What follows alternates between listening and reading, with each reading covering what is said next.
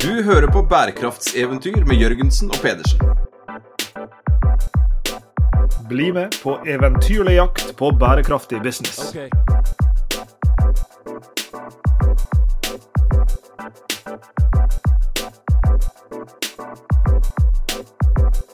I denne episoden av Bærekraftseventyr Sveinung, så skal vi heldigvis inn i idretten igjen. Og vi skal snakke om idrett og bærekraft. Det vi har gjort i tidligere episoder, både jeg og du alene. Vi har gjort det sammen med vår gode kollega Siv Skar, og vi snakka om Brann. Vi snakka med Einar Håndlykken fra, fra, Odd, og vi snakka med Steinar Hoen eh, fra, fra Bislett.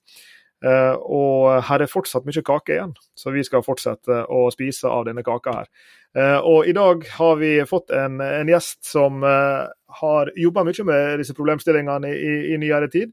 Noen kjenner han kanskje best fra en, en lang karriere som både spiller og trener i håndball, både for ulike nasjonale lag og for landslaget. Men etter det så har Dag Vidar Hanstad også vært Eh, journalist. Eh, han tok etter hvert eh, doktorgraden sin i antidopingsarbeid i, i, idretten i 2009.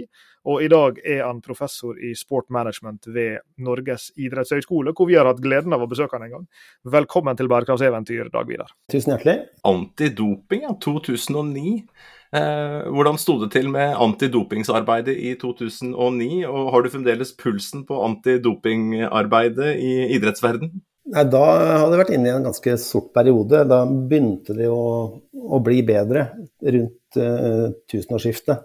Da hadde disse store dopingskandalene, og vi fikk et uh, verdens antidopingbyrå. Og det var på en måte etableringen av det som gjorde at jeg skrev den doktorgraden min. Jeg hadde skrevet masse doping, antidoping, som uh, kommentator i Aftenposten. Fikk litt lyst til å gå litt dypere inn i det, og, og syntes det var veldig spennende. Eh, det er liksom litt forskjellen på journalistikk og forskning, at du, du får anledning til å grave deg sånn godt ned i materien. Så ikke, ikke fulgt så veldig mye med de siste åtte-ti åra, for det har vært så mye annet. Det har vært så mye annet. Bare doping er jo en, en del av den store bærekraftspuddingen her. Altså når vi, når vi, åpner opp for å snakke om idrett og bærekraft, så er det jo veldig bredt. Eh, vi har alt fra kjønn og menneskerettigheter, og, og, jeg vil også si doping, miljøfotavtrykk og sånne ting. Eh, vi var så heldige i dag Vidar, å bli invitert til deg for, for, litt tilbake og få lov til å holde gjesteforelesning på, på kurset ditt. Eh, for du startet jo et, et kurs du på, på Norges idrettshøgskole som også har spredd seg ut som en liten sånn, å si, positiv verkebyll eh, ut i det ganske land på, på mange andre institusjoner som, som tilbyr sportsmanagement og, og idrettsstudier. Eh, kan ikke du fortelle litt om inngangen inn i å, å begynne med et sånt type kurs? Jo, uh, jeg har jo programlederansvar og er liksom godt involvert i utviklingen av studiet på idrettshøyskolen. Uh, så så jeg jo det etter hvert at eh, vi har jo veldig lite om bærekraft. Altså, vi skal sende folk ut i arbeidslivet. idrettsorganisasjoner, forvaltningen, idretten sentralt og lokalt. Og det var veldig lite om, om bærekraft. Så, så her, her, må vi faktisk gjøre noe. Uh, og da var det litt sånn at vi altså, Dette snakker om bærekraft, deling, ikke sant. Og da tenkte jeg skal vi lage det her? Kan ikke vi la andre også få tilgang til det? Så da lot vi et par andre høyskoler også få, bare få hele kurspakka vår. Dette er jo heldigitalt. Uh, et studieemne består av 130-40-50 filmer, annet. Så det er ekstremt ressurskrevende å lage det. Eh, og da lot vi rett og slett eh, Høgskolen i Molde og Høgskolen i Innlandet få, få kurs av oss. Eh, og på NIH så har det liksom tatt ordentlig av. Jeg tror vi nå liksom har hatt gjennom ja, over 4, 450 kursdeltakere. dette er et studieemne på ti studiepoeng. Da. Så derfor Det var min inngang til å, å begynne med dette her. Jeg så, jeg så, på en måte jeg kynisk, jeg så på en måte et marked og et behov som var der, og det, det fylte vi på en ganske effektiv måte. Og Du har vært i idretten lenge, Dag Vidar. Hvis jeg, har, eh, hvis jeg husker hjemmeleksa mi, så, så, så, begynte du å spille på høyt nivå på 70-tallet. Det, det, det, begynner å bli en stund siden, så du har fulgt idretten over en lang periode. Og, og idretten har selvfølgelig endra seg. Eh, det som vi tenker på, denne puddingen til Sveinung, da, bærekraftsproblemet, om vi skal altså de, de, sosiale og de miljømessige sidene ved, ved idretten, og, og, liksom fokus på, på dem og, og, arbeidet med dem, det har også endra seg. Og liksom, en, en, kan jo ta ulike syn på, på bærekraftsavtrykkene på godt og vondt til, til, idretten. Men hvis du skal ta det litt sånn lange fugleblikket her, eh, liksom, hvordan har dette endra seg? Hvordan, hvordan, har bevisstheten rundt det endra seg? Og, og, hvor langt framme eller hvor langt bake er, er idretten i å, i å liksom lykkes med å, å, håndtere disse bærekraftsutfordringene som, som en står overfor? Ja, da, da, vil jeg bare gå litt, ta et lite sidestepp. Eh, jeg, jeg, skriver jo bøker om dette her. Eh, og i 2019 så kom jeg med en bok som heter 'Organisasjon og lederskap i idretten'. Altså, det er 2019, fire år siden. Jeg brukte ikke ordet bærekraft én gang. Det var faktisk ikke i mine tanker. Eh, og så skrev jeg en ny bok i 2021 om idrett og bærekraft. Da, da, er jo det tema. Men det er bare sånn, en liten refleksjon for meg sjøl. Liksom, her skjedde ting utrolig fort. Og, og sånn har det jo også vært Eh, vært i idretten. Eh, så på dette digitale studieemnet hvor vi har et arbeidskrav som, hvor man skal reflektere litt over hvorfor idretten har vært så sent av gårde, ut av startblokkene, eh, så begynner mange å reflektere godt over det, mens andre tar ikke premisset i spørsmålet. De sier at dette har jo vi holdt på med hele tida. Så det er dette, det er dette språket, dette rammeverket som liksom har kommet de siste, siste åra. Og så har jo helt opplagt idretten ikke vært god på en del ting, mens man har vært veldig god på, eh, på andre områder. Eh, Sveinung, eh, jeg bare tenker på oppi lia di der. Eh, en av disse filmene jeg har laga, er jo med, med Søre Ål idrettslag. Det er jo nå snart et par år sia. Eh, styrelederen der eh, visste jo hvorfor jeg intervjua han. Eh, det var om bærekraft. Eh, og han fortalte at vi har, i vårt styr har vi aldri brukt ordet bærekraft. Og så spør jeg men hva driver dere med da? Eh, og da bare, da bare renner det ut sosial bærekraft, ikke sant? tematikker. så det er jo riktig, idretten har jo holdt på med det. Men skal man begynne å nå disse, disse, disse måla, så må man kanskje systematisere det litt og, og jobbe på en litt annen måte da, for å være en del av denne, denne dugnaden. Check it out.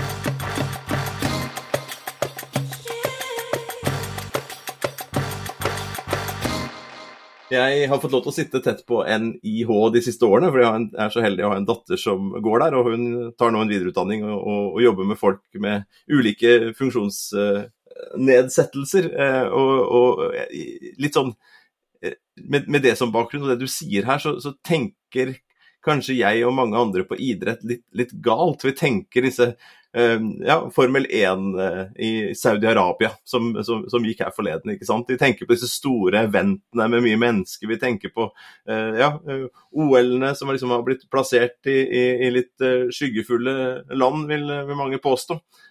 men så er idretten så innmari mye mer. Kan, kan, du gi meg litt sånn der, Hva er heispitchen, eller hva, liksom hva er egentlig idrett, da? Oi, det var det. jo, jo, jo, jeg mener helt seriøst. Altså, for det, det, det, spenner så mye videre kanskje enn det vi tenker. Poenget her, når du kommer opp på NIH, da, på idrettshøyskolen, um, så tror jo alle at vi, at vi, holder på med toppidrett. Uh, vi holder på med fotball, håndball, ski. Uh, men det er en ørliten del av det vi, av det vi driver med. Uh, og for oss som utdanningsinstitusjon. Det er jo veldig mange som holder på med idrett rundt i, eh, rundt i landet. Det er vel 18-19-20 eller hver så det, utdanningsinstitusjoner. Eh, og de prøver å skolere folk. Eh, fysisk aktivitet og helse, idrettsmedisin. Eh, vi holder på med sportmanagement, idrettspsykologi. Det er alle aspekter av, eh, av, dette store begrepet idrett som man kan fange inn her. da her er jo et spenn her. Var det Søre Ål idrettslag du eh, Nei, det, det var nesten det. Ja, det var det. Jo, jo. Eh, og eh, mitt lokale idrettslag da, som jeg har tilbrakt, tilbrakt helga som Jeg er ikke medarrangør, det blir å dra det langt, men jeg er lagleder for to jentefotballag i idrettslaget Sandviken. Damefotballens høyborg. Eh, og, vi har hatt cup i helga. og Da ser du liksom den, den, andre enden av idretten enn en Formel 1 i, Saudi-Arabia. sagt. Eh, og du ser veldig mange av disse positive fotavtrykkene som du var inne på i stad, Dag Vidar, som, er, som ligger implisitt i idretten, som, som handler om, om inkludering av, uh, av barn, av av ulik både kjønn og ulik sosioøkonomisk status og etnisk bakgrunn og liksom alt det der. Ehm, du, du, ser dugnadsånd i veldig stort monn. Jeg hadde sjøl en lang og våt dugnadsøkt eh, som gjorde at jeg nesten måtte eh, legge meg i mikrobølgeovnen når jeg kom, eh, kom hjem. Og så videre og så videre. Du har, du har hele greia der. Men så har du til og med på, på mikronivå her, da, med en, en liten fotballcup som varer et par helger her i Bergen. Eh, så, så, står jeg jo med, med, stor interesse som bærekraftmenneske og kikker meg rundt, og så ser jeg på alt som blir solgt i kiosken, og alt som blir slengt i en stor sånn søppeldunk midt på, på, gulvet. Eh, jeg ser sponsorer av cupen, og takk og lov for at de finnes, stå og dele ut sånne plastflasker som du vet kommer til å begynne å lekke etter fire dager eh, etter å ha brukt det på fotballtrening en gang. Så, så du har liksom en sånn når du står og ser på idretten, så ser du så veldig tydelig begge disse sidene. Du har alle disse veldig veldig positive, kanskje, kanskje først og fremst sosiale eh, positive fotavtrykkene knytta til fellesskap og inkludering og, og dugnadsånd, og ikke minst det liksom alt det helsebringende som ligger i idrett både på lavere nivå og høyere nivå, både på bredde og i, i topp. Eh, og så har du en del av disse fotavtrykkene som, som eh, som, som, naturlig følger med det, og som en skulle helst eh, stått der som, som eh, sånn medansvarlig for en sånn cup og sett at her var alt uh, finsortert, og det var ikke noe sånne juggel som ble delt ut av sponsorer, altså, men, men, men, men, det er kanskje ikke realistisk. Men i den her liksom, ambivalensen som jeg forsøker å uttrykke her. da. Denne her vissheten om at jo, her er det noen positive ting. Akkurat som på sykehuset. De redder liv, men likevel så forbruker de ressurser. Og de forsøpler, og de bruker energi og alle disse tingene her. Og vi har sett en oppvåkning i helsesektoren også de siste årene med at jo, men vi må også, selv om vi driver og redder liv inne på denne operasjonsstua her, så må vi også tenke på hva er fotavtrykket til den virksomheten vi har. Røde Kors reiser verden rundt og redder liv, og de også har en bærekraftstrategi for hvordan de skal ta ned dette fotavtrykket. Hvordan opplever du at, at liksom idretten håndterer denne dobbeltheten, da, er vel, er vel, det jeg spør om. Og, og hvordan ser du sjøl på, på uh, Kjøper du diagnosen min, vis? Jeg har jo vært, eh, Når vi snakker om disse bærekraftsstudieemnene vi har, så har vi det for våre egne studenter, men vi har det også for idretten. Eh, og vi har for særforbund på tvers, vi har for små særforbund, vi har eh, idrettskretser. Også i fotballforbundet har vi hatt en stor, stor klasse hvor alle daglige ledere bl.a. I, i fotballkretsene har vært med. Og dette er jo sånne dilemmaer hvor man, eh, hvor man kommer eh, eh, Hvor man drøfter og diskuterer, og det er ganske spennende. Fordi det er veldig lett å ta f.eks. fotballen, da. Og det er en debatt som går nå rundt, rundt disse gummigranulatene. Den, den dukker opp hele tida. Eh, og, og, den er jo fotballen for sen i gang med å, å gjøre noe med. Men så sier man men hør nå her. altså Skal vi si nei til å spille på alle eh, kunstgressbaner, da kan man begynne å se på disse andre dimensjonene av bærekraft. Da kan ikke vi gi det tilbudet vi gjør til, til eh, alle unga i dag. For da i verste fall gress- og grusbaner, ikke sant. Eh, og, og, dette er en sånn veldig, veldig sånn spennende, spennende, spennende, debatt. Eh, det, men det er jo det som er liksom, Når du sier at nå har du vært på et, på et, et arrangement i regi av et idrettslag, hvor mye skal vi forvente av et idrettslag? Eh, og hvor mye skal vi forvente av et stort forbund som, som Fotballforbundet, som er ikke overraskende det særforbundet som, som har dratt av gårde her. Så de har ressurser. De har med seg norsk toppfotball. De, de blir i, i, spiss her også. Eh, men jeg tror nok kanskje For å svare på spørsmålet ditt, eh, som var litt vagt Men Jeg Eh, mitt inntrykk, og dette er noe, noen åpningsforelesning Idretten har jo ikke noe valg, for, fordi at eh, noe av det som er, eh, som er, viktig her Idretten må gjøre noe, for idretten kan gjøre en forskjell. Altså Man har en, en visjon som heter idrettsglede for alle, og den, den, skal jo på en måte forplikte. Eh, og det gir jo idretten et eh, samfunnsoppdrag, eh, for den ønsker jo å bidra til noe som er liksom større enn seg, sjøl. Og disse kravene fra omverdenen, altså sies, kommuner, spillemiddeltildelinga nå, der er det kommet noe om bærekraft. Mange vil begynne å stille spørsmål. Sponsorer, medlemmer, og ikke minst disse unge medlemmene. da, når, ikke, ikke, disse søppelkassene står der, hvis det er, hvor det er bare én søppelkasse, eh, så vil man etter hvert begynne å få liksom tøffere og tøffere spørsmål. Eh, så dette kravet til, fra omverdenen, også, også, idrettens egne medlemmer, det, det, vil spille mye tøffere inn. da. Og så er det dette spørsmålet som noen har, har stilt. Eh, Hans B. Skaseth, som kanskje noen, noen kjenner til tidligere president i Norges uh, idrettsforbund, eller da heter jo formann, uh, ekspedisjonssjef i Kulturdepartementets idrettsavdeling. Han har stilt, stilt et sånn retorisk spørsmål. Hvor, hvor, hvor er liksom samfunnsansvaret til idretten? Hvor, hvor stopper det? Hvor, mye skal man kaste over til idretten? Dere må ordne økonomi som barriere, dere må ordne rasisme, eh, nå skal dere ordne bærekraft. Det er, det er noe Eh, eh, inkludering eh, av, av unger. Hvor, hvor, er det liksom idretten sitt ansvar stopper? Det er jo en sånn, veldig sånn spennende, interessant greie. Du begynte med kiosk i stad. Vi har også et annet studieemne som heter rett og slett arrangementsledelse. Som, hvor, hvor, hvor, en av modulene er bærekraft. Og da, og da, er det en av refleksjonene til studentene her, da, og, og ansatte i idretten, eller de som er i idretten som tar kurset, Ok, du tjener mye mer på å selge drit. Eh, er du villig til å tjene mye mindre, kanskje ikke tjene noe i hele tatt, med, med, med, med, å servere sunne ting? Eh, og det, blir sånn, det får iallfall i gang noen sånne spennende refleksjoner. For hvor, igjen, da, hvor, hvor langt skal man liksom presse idretten til å, til å være med på alt? Idrettslagene må jo tjene penger. Hvor skal de tjene penger?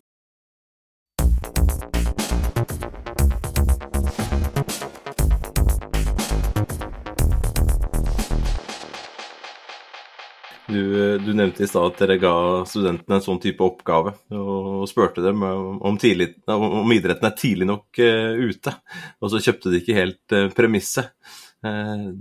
Hva, hva slags type refleksjoner gjør de seg da, gjennom å skrive en sånn oppgave, og gjennom kurset? Får de seg noen overraskelser? Dette er jo ungdom som har vokst opp i disse idrettsforeningene, og som, som ofte er relativt aktive eh, i foreninger og, og idretten nå. Eh, skifter de litt perspektiv underveis? Stiller i det minste noen nye spørsmål? Er det noe de drar med seg ut, sånn som du har opplevd nå når du har kjørt deg kurs noen ganger? Studentgruppa vår er jo på en måte todelt. Altså, vi, vi, har våre egne studenter, dvs. Si studenter fra egentlig hele landet som tar Man kan jo ta et digitalt uh, emne hvor, hvor i verden man sitter. Eh, de er det jo lettere å få med på å skyte litt på at idretten er sent ute. Mens den andre halvparten, som består av folk i idretten, eh, de, de er liksom litt mer vage på det. Noen er helt enige, naturligvis. Men, mens andre ikke er helt med på premisset. De mener at idretten har, har gjort mye. Eh, men poenget Alle holder nå på med å lage strategier i idretten. NIF har kommet med sin strategi mange særforbund holder på nå. Så det kommer noe. Og det i seg sjøl er litt spennende. Noen lager en egen bærekraftstrategi, mens andre går inn og putter på bærekraft på de områdene hvor man allerede jobber. Som jeg tror er en ganske god plan. Da. At man eh, ikke lager en sånn egen søyle, nå skal vi snakke om bærekraft, men at man dytter inn altså, bærekraftselementer i det man allerede, allerede, allerede gjør. Men det som er bra her, er jo at liksom skal man kjøre disse prosessene, eh, så er det utrolig enkelt å bare hoppe på.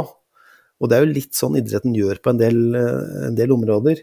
Eh, altså vårt mantra er at skal du begynne med å lage en bærekraftstrategi, så må du begynne med fase én, og det er å skaffe kunnskap og kompetanse. Ja, dere er vel omtrent på min alder, kanskje litt yngre. Jeg er passert 60. Og sånne som meg, da, idretten, det, da, det blir litt sånn caps lock. Men det, dette kan du jo. Her er det bare å kjøre i gang. Dette er miljø og klima og diverse. Så, man, så, tror man at man kan det. Men det, de folka der er de som kan minst. Men, men, det vi, liksom, vi fanger opp hele veien nå, det er at ved å ta et sånt studieemne og, og, skaffe oss denne kompetansen, så får vi et felles språk, vi får et felles rammeverk. og altså, Vi snakker på en helt annen De snakker på en helt annen måte enn det de gjorde før. Eh, og da har vi på en måte nådd mye. Vi er ikke eksperter. altså Vi, vi gir dem bare et liten flik av noe, så at de kan begynne. Eh, så, så, det gjør at flere liksom blir opptatt av tematikken og kanskje prøver å finne noen løsninger, hva, man egentlig, hva idretten kan bidra med. Og da er det jo da en kjempestor forskjell på hva et stort særforbund og et bitte lite idrettslag kan, kan gjøre. Og Ser en da også, eh, Dag Vidar, for å, for å dra en parallell til næringslivet, da, hvor en over tid har sett at ja, på bransjenivå og etter hvert også innad i bransjer, så, så, prioriterer ulike virksomheter det som de anser å være de viktigste, det som ofte kalles de vesentligste bærekraftsforholdene for, for, for, på bransjenivå og også for, vår virksomhet, fordi at vi ja, produsere eh, har et fiskeoppdrettsanlegg her på denne lokasjonen, heller i en annen landsdel. Eller vi, vi har en eh, fabrikk som sourcer fra dette markedet, heller enn det. Så litt parallellen til, til idretten, da, så, så, er det vel også sånn at, at det er ulike bærekraftsproblemstillinger som, som løftes fram i, i, eh, i sentrum, så å si. Vi var inne på dette her med stadiondrift og, og alt sånt, og det, det begynner vel etter hvert for de større klubbene å håndtere seg sjøl. Nå så jeg her at Uefa hadde kommet med sånne nye lisenskrav knytta til bærekraftig drift på, på stadion. Så Det betyr at ja, skal, du, skal, du, operere på høyeste nivå, så vil disse store klubbene uansett måtte håndtere disse tingene her, som del av de kravene som stilles til en rent sånn regulatorisk idretten. Eh, og så kan vi forflytte oss rundt. Eh, for å fortsette med fotball, så har det vært en, eh, en TV-serie nå med, med damefotballen på, på NRK, hvor vi så det var vel Rosenborg-kvinner kontra Brann-kvinner, og, og, liksom de, de, ulike forutsetningene de hadde for å lykkes med å få supporterne til å akseptere at ja, denne kvinnefotballen skal nå inn og være omtrent på, på, på samme, nivå som, som herrelagene i, i, disse to store, legendariske klubbene i, i, i landet. Og det så ut at kanskje her i Bergen, hvor jeg bor, så hadde de kommet noen skritt lenger i å lykkes med, med den, kall det, kjønns balansen, da, eller sånn likestillingskampen, enn det de kanskje hadde i, i, Trondheim, ut fra i hvert fall slik historien ble, ble fortalt i, i, denne dokumentaren. Og, og, det er klart at i, i, damefotball nå har vi sett at dette med, med, med, med likestilling og altså, gender equality, som vel er, er det relevante bærekraftsmålet her hvis vi ser på FN sine, så vil, vil være Eh, vil være det. Og så har vi noen idretter hvor uh, kanskje problemstillinger knytta til, uh, til, vekt og spir, spiseforstyrrelser har vært et tema. Og så kan vi, kan vi liksom fortsette fra idrett til idrett og se at ja, her er jo kanskje ulike, ulike områder hvor det, hvor det koker mest på, på platene, da, og som da krever at du prioriterer noen typer innsats framfor andre. At vi setter inn støtet her, fordi at i vår idrett eh, er det, er det dette som, som, er de viktigste bærekraftsforholdene akkurat nå. Opplever du at både mellom, altså på tvers av idrettene, men også for den del mellom klubbene, at, at du ser en sånn prioriteringsvilje og prioriteringsevne vokse fram, som gjør at en løser de viktigste problemene? Ja, og, og heldigvis. Eh, Idrettsforbundet har på en måte en sånn, sånn, sånn felles overordna plan eh, som ingen særforbund er forplikta til å følge. Og klart, Når jeg har en egen sånn bærekraftsklasse, bærekraftsklasse i Sunnmøre fotballkrets, så er jo de mer opptatt av livet under vann. De har noen kunstgressbaner eh, rett ut ved kysten enn en andre har det. Eh, for noen er jo likestilling helt uproblematisk. Eh, I Håndballforbundet så jo, er du like gode, godt tilrettelagt for jenter som for gutter, mens andre sliter med å få med jenter. Alle har kanskje trøbbel med, ikke trøbbel med utfordringer med å få nok kvinnelige trenere. Eh, så der ser man, når man for det, i dette, Nå går jeg tilbake til dette kurset igjen. da, Så to av arbeidskravene handler jo om at et av dem så skal man liste opp fire, fire bærekraftsmål som er relevant for min idrett, mitt idrettslag, mitt særforbund. Så skal man i et arbeidskrav litt senere rett og slett skissere noen mål og komme med skisse til en tiltaksplan. Så her får man det utrolig billig og enkelt, i stedet for å bruke dyre konsulenter. Og der, og der ser vi jo hvor ekstremt forskjellig det er. Og, og, dette er jo norsk idrett, ikke sant. Det er jo Når man liksom har innpå et SEM oppunder to millioner medlemskap, og er til stede i omtrent nesten hver eneste bygd, så er det jo ganske store forskjeller. Eh, som Idrettsforbundet kan ikke si at her er vår bærekraftsplan, følg den. Det, vil ikke funke. Eh, og, det, er jo noe som er bra, at man tvinger seg til å tenke litt hva som passer best for oss. Eh, men akkurat når, når du sier det er forskjeller her, det er jo så sabla enkelt å kline opp uh, bærekraftsmål tre. Det skal vi satse på. Altså, det er god helse. Det, trenger du å ta med det som et mål? For det, det, der er vi jo gode. Og, og, hvis man går etter og ser altså, likestilling, der er vi gode. Uh, god utdanning, vi har masse kurs. Da har man en tre-fire bærekraftsmål, så kan man lene seg tilbake og si nei, vi er veldig gode. Eh, og dette er noe av det spørsmålet jeg stiller til, spesielt når vi har disse gruppene fra, fra idretten. Da. Er dere villige til å sette opp noen bærekraftsmål som, og noen mål som, som kniper litt? Dere kjenner det på kroppen. Når vi snakker med fotball, fotballfolk, ikke sant. Eh, det med reise, er det nødvendig å ha landsomfattende serier for 13-åringer? Er det nødvendig å ha en uh, nivå fem i fotball, hvor, uh, fem, fire eller fem, hvor man skal liksom reise mellom sør og nord og bruke masse fly øst og vest? Er, er, det egentlig nødvendig? Kunne man gjøre det på en annen måte? Som ideelt, altså, som da vil si at man, eller optimalt kanskje, går ned litt grann på den sportslige utviklinga. Kanskje ikke, for det er flere som vil være med, som ikke gidder å drive med den reisinga. Eh, men mot at man da jobber, bidrar litt da, på, på disse bærekraftsmåla. Og Det er også noen spennende, morsomme refleksjoner man liksom setter i da når man sitter i disse spørsmålene her. Da. Alle sier jo det, men in the end of the day, er man egentlig villig til det? Og det spørsmålet, Nå blir, nå blir det liksom fotball igjen, da, men samme er det jo med Ikke for å snakke mot meg sjøl, men dette gummigranulatet. Der er det et sånn brekkpunkt hvor øh, Jeg bor i Oslo, hvor byrådet nå har liksom vært helt Dette er liksom det viktigste saken man er opptatt av, det er å få vekk gummigranulatet. Uh, er fotballen liksom villig til å komme dem i hvert fall litt i møte på det, eller skal man bare drive og krige i, i det neste tiåret også?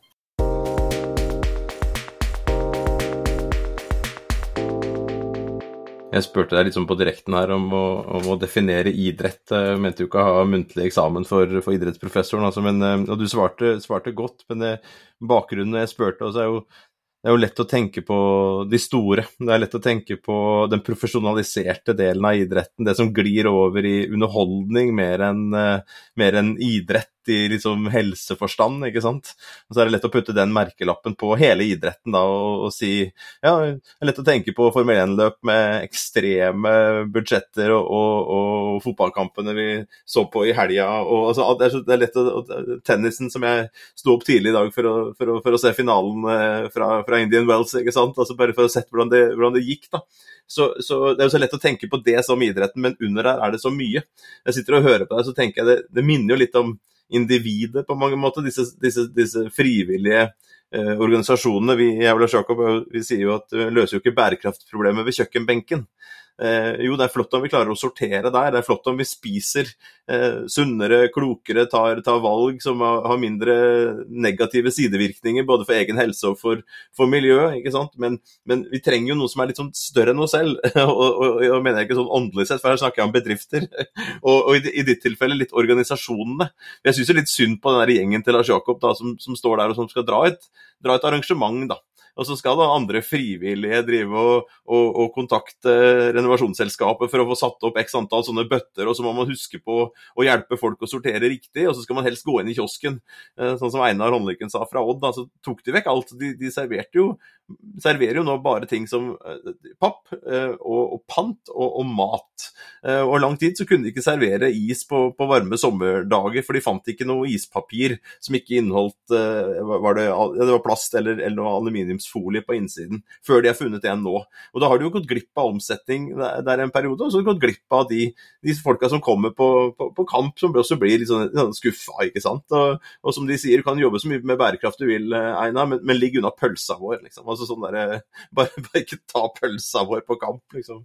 Men, men dette spennet da fra individet og, og, disse frivillige organisasjonene til disse mega-eventene. Og jeg tenker når, når, jeg hører på det her, så, så, så, så, er det behov for kanskje en sånn liten vesentlighetsanalyse, da, sånn som vi er opptatt av. Altså, hvor er de vesentlige fotavtrykkene her? Eh, og Sandviken, ja, den positive siden, da, for å bruke det, med, med alle de eh, folka som er involvert eh, på helsesiden eh, gjennom dette her, og, som har positive opplevelser, eh, og som stort sett kanskje spiller lokalt. da. Men så har du også på andre siden av det disse, disse store. Og, og, spørsmålet mitt, jeg tenker litt sånn en ting, Har de noe hjelpetelefon etter hvert, disse her små organisasjonene, inn i, i, i særforbundene, inn i Idrettsforbundet? Er det et sted liksom sånn, er det et, et, et, kontor som kan hjelpe dem både med å skjønne hva er vårt vesentlige fotavtrykk? da? For er, Når du er inne på dette her, ja, er det altså jo, jo de, de, tre målene som du sa, de, de, de treffer vi på. Um, ok, Er det såpass bra at man kan tåle en noen av disse negative eh, skyggesidene. Eh, eventuelt hvilke negative skyggevirkninger er så store at vi faktisk bør gjøre noe med dem. Eh, og dette gummigranulatproblemet da, over en tiårsperiode, det er vel et eksempel på noe som faktisk er så stort. I noen, i hvert fall der hvor det er store, store store baner og, og, og, og mye regn, han har sagt, så det renner ut. Eh, ja, der bør det kanskje tas grep, men andre steder så er ikke akkurat det problemet så stort. Eh, I serien Vage spørsmål så er jo ikke dette et, et spørsmål, eh, Dag, Dag Vidar. Det er, mer en, det, er, det er mer i serien kommentar, litt sånn fra, fra sidelinjen. Jeg sitter og, og, hører på deg. For jeg kjenner jo litt på kroppen den der, jeg, jeg, får litt sånn, jeg får litt vondt av idretten, da, som er nødt til å ta de knebøyøvelsene. Og jeg håper at det fins gode metoder for å finne ut disse største problemene som man faktisk bør ta tak i. Eh, er det mulig å kommentere det? Eh, det er mulig å kommentere på den måten at eh, måten nå Idrettsforbundet mm, jobber De er veldig tydelige på at de skal ikke tre noe nedover idrettsbevegelsen. Det, det de skal gjøre, så de har én ansatt som, som, har vært ansatt et lite år nå på, på bærekraft. Eh, særforbund driver og får noen, men det er utrolig få. Eh, som hjelpetelefon, der er vi nok ikke på en god stund. Men, det disse store kan gjøre, inkludert NIF, da, det, er å, det, er å, det, er å, presentere de gode historiene. Det er jo Fotballforbundet også veldig tydelig på. da. De, de, de må presentere noen uh, idrettslag, fotballkretser, klubber, som, som, som, har gjort noe bra. Og så får det bli opp til andre å, å, å lære eh, og ta, etter. Så vi, vi, er, vi er, bare der. Eh, og, det, og, de store kravene til idrettslagene, de tror jeg ikke kanskje vi kommer til å se. Men så er det jo sånn at man kan jo lage så mye planer og strategi man bare vil, eh, som gjelder da på Ullevål stadion. Eh, men får man ikke med seg idrettslagene, så hjelper det ingenting. Eh, og da er det å lage bedre terminlister. Eh, det handler liksom reiser, og reising her, ikke sant. Antall flyreiser, og hvor mye diesel skal vi putte på disse bussene som, som kjører mellom disse bygdene og, og byene. Så det er, det er, jo litt der. Og Der syns jeg du er inne på jeg avbryter deg midt i, men der syns jeg jeg er inne på et vesentlig fotavtrykk. Det du sier der om eh, ganske langt nedover i divisjonene, uavhengig av idrett, med, med veldig mye reisevei.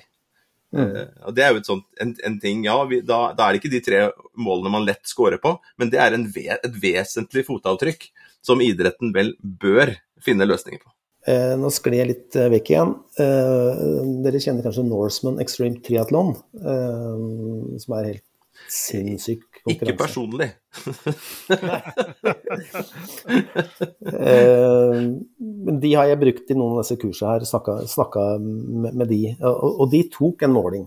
Eh, altså svømming i, i, i, en fjord, sykling på en vei, eh, løping opp på toppen av et fjell. Det høres jo helt sinnssykt eh, rent og fint ut. Men når de tok seg den der øvelsen med å begynne å måle hva er avtrykket vårt, så ble det helt sinnssykt svart og mørkt. Da var det ikke grønt lenger. Eh, og, og, den øvelsen der er jo fin å ta. Hva kan man gjøre med det? Ikke sant? Så man må liksom tørre å ta den målinga der. Og hvis det blir en sånn Jeg bruker fotball igjen, da. Hvis man begynner å se på alle reisene som er knytta til disse seriene vi har, så vil man kunne begynne å reflektere liksom, er det, dette må vi da kunne gjøre på en litt mer elegant og effektiv eh, måte. Jeg spilte håndball på 90-tallet, um, og da hadde vi dobbeltkamper bl.a. Jeg, jeg trente jo et lag i Bodø, så det var litt på økonomi. Spilte på en fredag og en søndag. Da slapp jeg en flyreise. Og det var jo kun på økonomi, visste ikke hva bærekraft var da. Men, men sånn kan man jo tenke litt mer nå. Uh, spesielt når man er liksom nedover, litt nedover i divisjonen.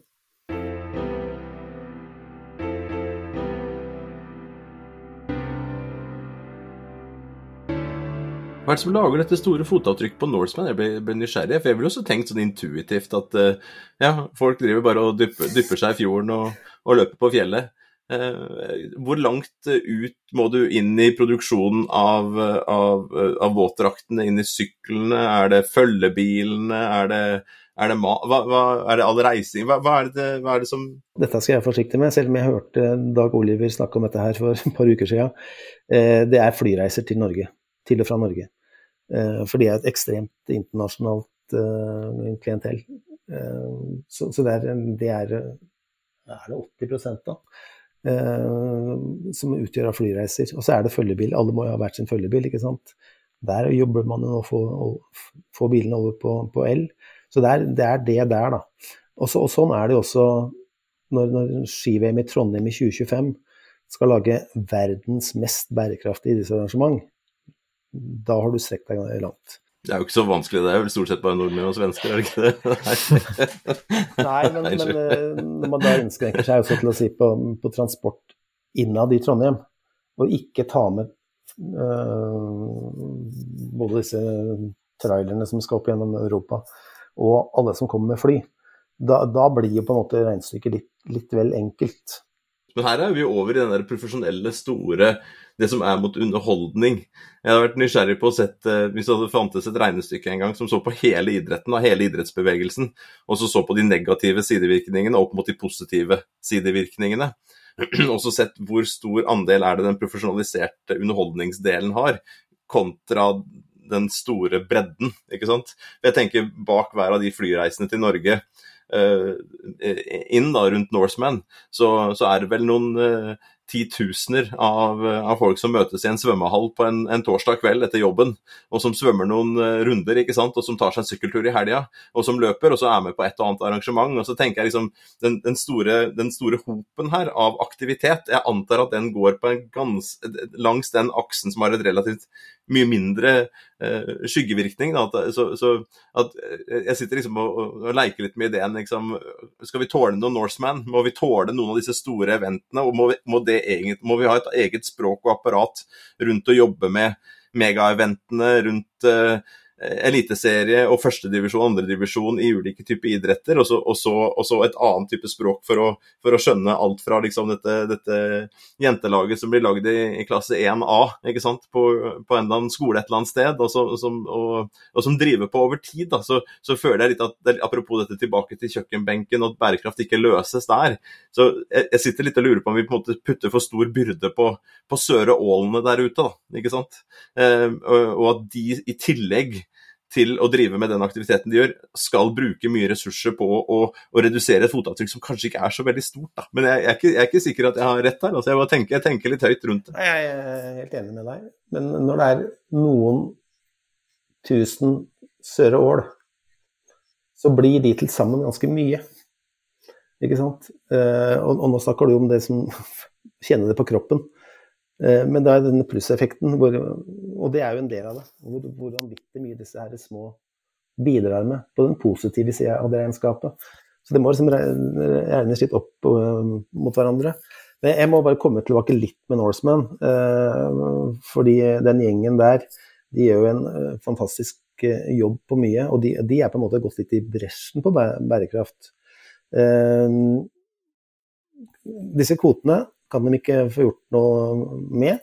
Det vil si at de tenker litt sånn at eh, prøver å tilrettelegge sånn at når folk kommer til Norge for å være med på Norseman, kanskje legger de ferien sin uh, i, i, Norge og blir her litt lenger, disse som kommer fra Australia, New Zealand, USA. Uh, kanskje de da kutter ut ferien, den andre ferien sin. Uh, så de jobber liksom det, med det regnestykket. Og så, er de ganske gode, de har kjøpt kvoter tidligere, så kompensere litt på, det de har putta veldig mye penger inn i Leger uten grenser, altså som en del av det. Driver med noe forskning inn mot, mot, uh, mot, mot helse. Og jobber med bærekraftsmål som går på, på likestilling. Så, det, så de, de, holder på litt sånn på flere fronter, da. Men akkurat det, det der med, med flyreiser, det, det er en utfordring for dem, naturligvis.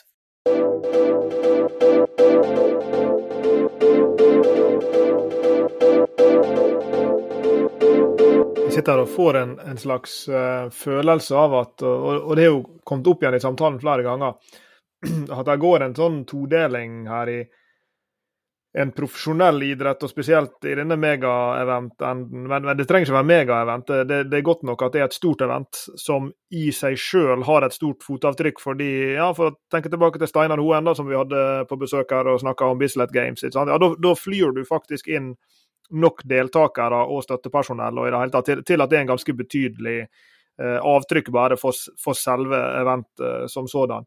Og Da har du liksom en del av idretten, det den første sida av dette, som, som, kanskje minner mer om konvensjonelle bedrifter. Og som sånn sett har bærekraftstrategier og, og bærekraftstiltak som, som på mange måter er, er minner om veldig mange andre typer bransjer vi snakker om i, i, denne serien, her, enten det er energi eller mobilitet eller retail eller hva det måtte være. Uh, og, og, de blir jo dels hjulpet fram av ja, jeg nevnte Uefa sine lisenskrav tidligere. Og, og, bare noe så enkelt som, uh, som at disse store klubbene som er, som er børsnoterte i fotballen f.eks., de, de er jo underlagt uh, strenge rapporteringskrav. Vi har en en kollega borte i gangen her som satt og skrev en kronikk. Jeg vet ikke om han er kommet ut på nettet ennå, men han handla om, om, Juventus sitt både finansielle snusk og, og andre typer snusk rundt, rundt, den klubben. Og det er klart at De er jo da eksponert for et finansmarked som arresterer dem på disse tingene her, ikke sant? og, og, og, og følger dem tett i korta.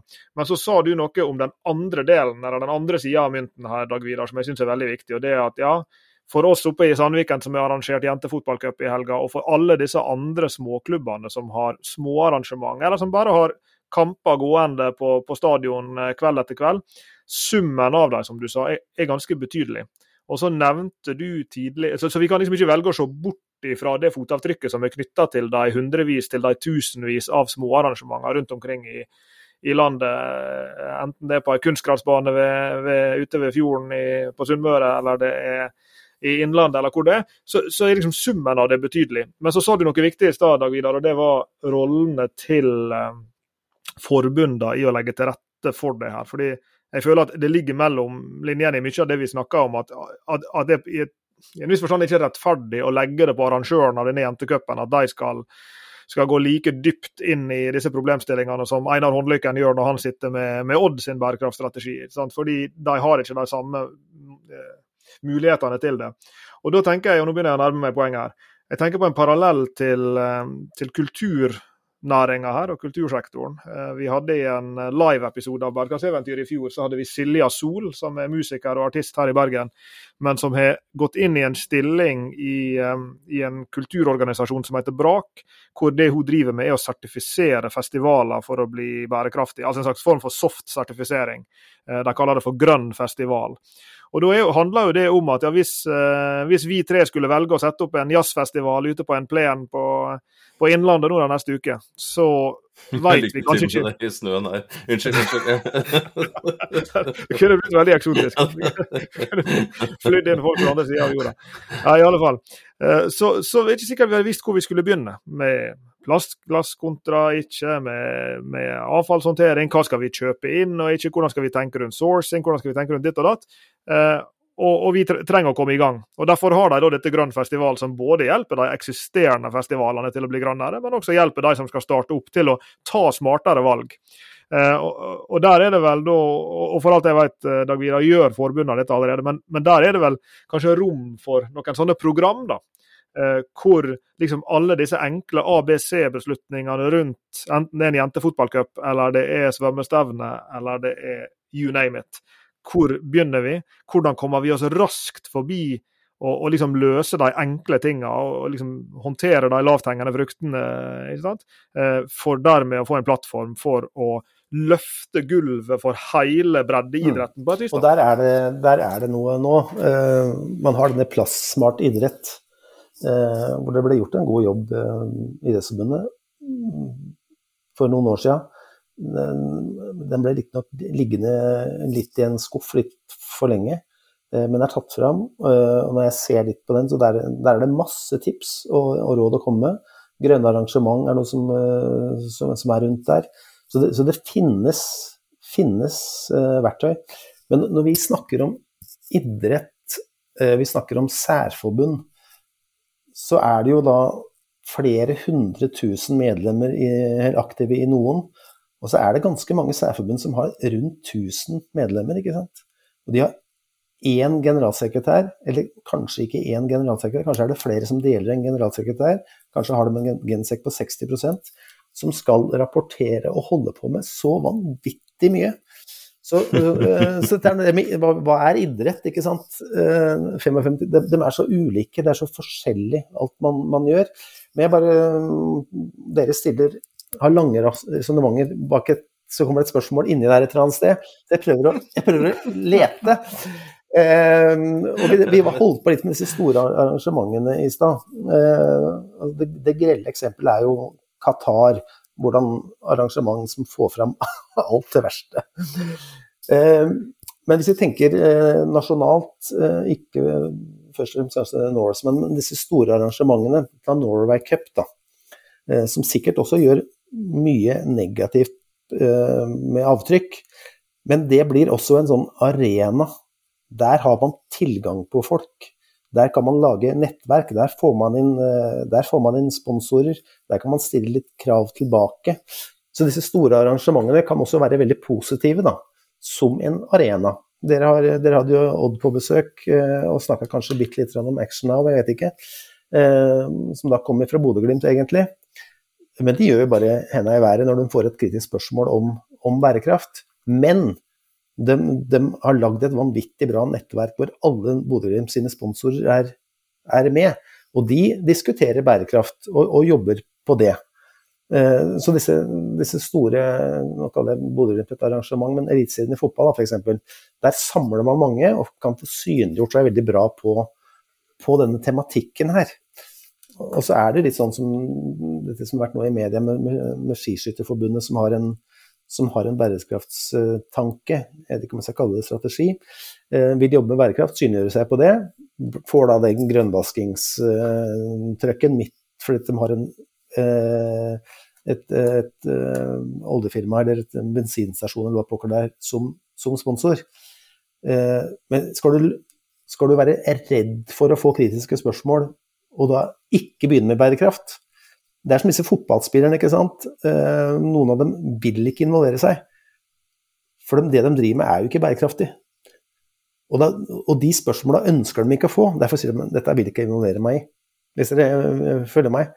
Og vi kjøper det fullt og helt. og det, Sånn ser vi med små og mellomstore bedrifter i alle slags bransjer. Vi ser det på store, store bedrifter. Eh, vi jobber jo tett oppi dette her hele tiden. Eh, med, eh, man, bør man si noe som helst, bør man, bør, eller bør man holde kjeft og eventuelt gjøre noe på bakrommet? Og Her er vel idretten veldig veldig eksponert. ikke sant? Så fort de er ute og gjør noe som helst, så vil du alltid kunne piske dem for, for noe.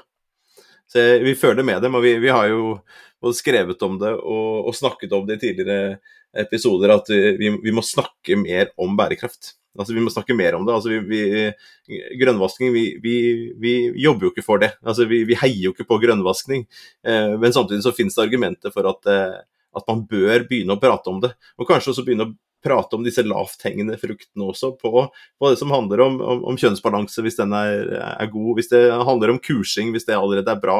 Hvis man begynner å få et system, da jeg sa hjelpetelefon her, ja ja. Hvis det begynner å komme noen stillinger da, hvis det, hvis det er noen sånne softe, softe sertifiseringsordninger som en liten turnering eller et idrettslag kan bruke, ja vel, så, så, så våge å løfte frem det. da, Så må vi andre være litt rause rundt Skiskytterforbundet, som i hvert fall lager en, en, logo, begynner å jobbe med footprint, begynner å måle. og Jeg kikker her på Norseman også og ser ja, de har faktisk målt og vært åpne på det. Eh, og De skriver ja, det, det, letteste for å fjerne dette var jo å legge ned Norseman, men det ønsker vi jo ikke. Men vi er nødt til å jobbe med det store fotavtrykket vi har knyttet til sånn og sånn og slik og slik. Og jeg, jeg, jeg liker jo det utgangspunktet mye bedre. At man da er litt åpen utad. Men det krever jo da at vi andre rundt litt sånn, ligger litt bakpå og sier at nei, vi, vi kan ikke kutte ut dette gummigranulatet i løpet av kort tid her. For de negative konsekvensene for det er for store. Men flott at det settes på agendaen, og at man da jobber med å, å, å utforske eh, alternative løsninger på det. Så det gjør i hvert fall gjenklang hos meg. Men det, det er jo litt sånn det er lett å arrestere meg for det når jeg sier det. Ja, men jeg, tror at uh, det har skjedd veldig mye nå på et år eller to. Altså, idretten er i, er i gang. Uh, og det handler liksom litt om idrettens legitimitet. Det, det, vil komme spørsmål, man må levere noe. Uh, men jeg tror ikke man skal være sånn som knallharde med idretten på en stund. Det er viktigere å vise at man er villig til å gjøre, gjøre noe. Og dette vil jo aldri bli perfekt. Noen mener at man glemmer dette bærekraftsgreia. Det er bare pes. Eh, og skal man følge dem, så blir det heller ikke bra, tror jeg. Nei, og Derfor er vi glad Dag Vidar, for at eh, du og mange av dine kollegaer jobber med dette her hver eneste dag. Med de unge studentene som er på vei inn i idretten og forhåpentligvis skal, skal forme den de neste 10-20-30-40 åra. Men også for de som allerede er der og prøver å håndtere den krevende jobben det er enten de leder en fotballklubb i det nordligste Nord-Norge og må spille bortekamper rundt omkring i landet og skal samtidig kutte CO2, eller de eh, bare arrangerer arrangement på en eh, forblåst eh, kunstgressbane ute på, på Sunnmørskysten og skal håndtere granulatet samtidig som de skal prøve å få minst mulig restavfall i plastdunken. Eh, så vi ønsker deg lykke til videre med, med det viktige arbeidet du gjør for å, for å fremme bærekraft i uh, idretten. Og vi sier tusen takk for at du tok deg tid til å være med på Bærekraftseventyr. Bare hyggelig. Du har hørt på Bærekraftseventyr med Jørgensen og Pedersen. Send e-post til eventyr.krøllalfa.jorgensenpedersen.no for å stille spørsmål eller komme med forslag til tema for fremtidige episoder. Og besøk jorgensenpedersen.no for mer informasjon om denne podkastserien. Okay. Derfra kan du også fortsette samtalen med oss i sosiale medier på Twitter, Facebook, LinkedIn, YouTube og andre steder.